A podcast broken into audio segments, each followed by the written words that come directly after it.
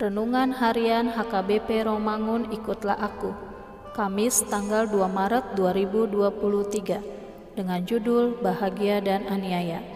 Bacaan kita pada pagi hari ini tertulis dalam 1 Korintus pasal 14 ayat 26 sampai 33 Bacaan kita pada malam hari ini tertulis dalam Roma pasal 15 ayat 7 sampai 13 dan kebenaran firman Tuhan yang menjadi ayat renungan kita hari ini tertulis dalam Matius pasal 5 ayat 10 yang berbunyi Berbahagialah orang yang dianiaya oleh sebab kebenaran karena merekalah yang empunya kerajaan surga.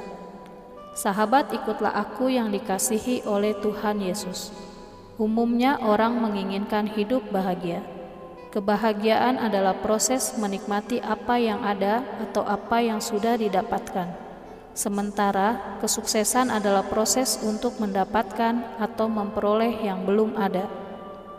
Tapi kenyataannya bahwa untuk bahagia seperti ini pun masih sangat sulit untuk dirasakan oleh banyak orang. Lalu bagaimana dengan ucapan bahagia yang diajarkan oleh juru selamat kita Yesus Kristus? Berbahagialah orang yang dianiaya karena kebenaran. Bukankah bahagia dan aniaya adalah kontradiksi kehidupan? Orang cenderung berpikir untuk menjauhkan diri dari aniaya, dari kesulitan dan kesakitan. Tapi kenapa Yesus justru mengatakan hal seperti itu adalah kebahagiaan? Kuncinya adalah bahwa penderitaan karena penganiayaan ini bukan karena sembarang penganiayaan banyak orang yang mengalami penderitaan, tapi apakah penyebab penderitaannya?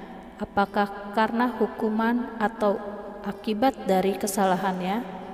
Jelas saja, memang itu tidak mendatangkan kebahagiaan. Yesus mengatakan dengan jelas bahwa kebahagiaan yang disebabkan penganiayaan itu adalah karena kebenaran, yakni kebenaran Allah yang terpancar dalam kehidupan sehari-hari kebenaran kerajaan Allah, kebenaran Injil yang senantiasa terlihat dalam gaya hidup yang berbeda dari dunia dan tidak mengikut dunia. Kebenaran tidak hanya bermaksud dalam hal pengadilan, namun sesungguhnya kelihatan dalam kehidupan sehari-hari yang menjadikan hidup adalah kesaksian bagi setiap orang yang melihat. Tentu saja, hidup berbeda itu tidak gampang justru sering mendatangkan konsekuensi yang berbeda, bahkan penganiayaan. Di sinilah Yesus mengatakan bahwa berbahagia karena kemudian merekalah yang punya kerajaan surga. Apakah kita berani untuk mengikut jalan ini dalam hidup kita kini? Amin. Marilah kita berdoa. Ya Yesus, kasihanilah aku dengan rahmat kesetiaan dan iman yang teguh kepadamu Amin.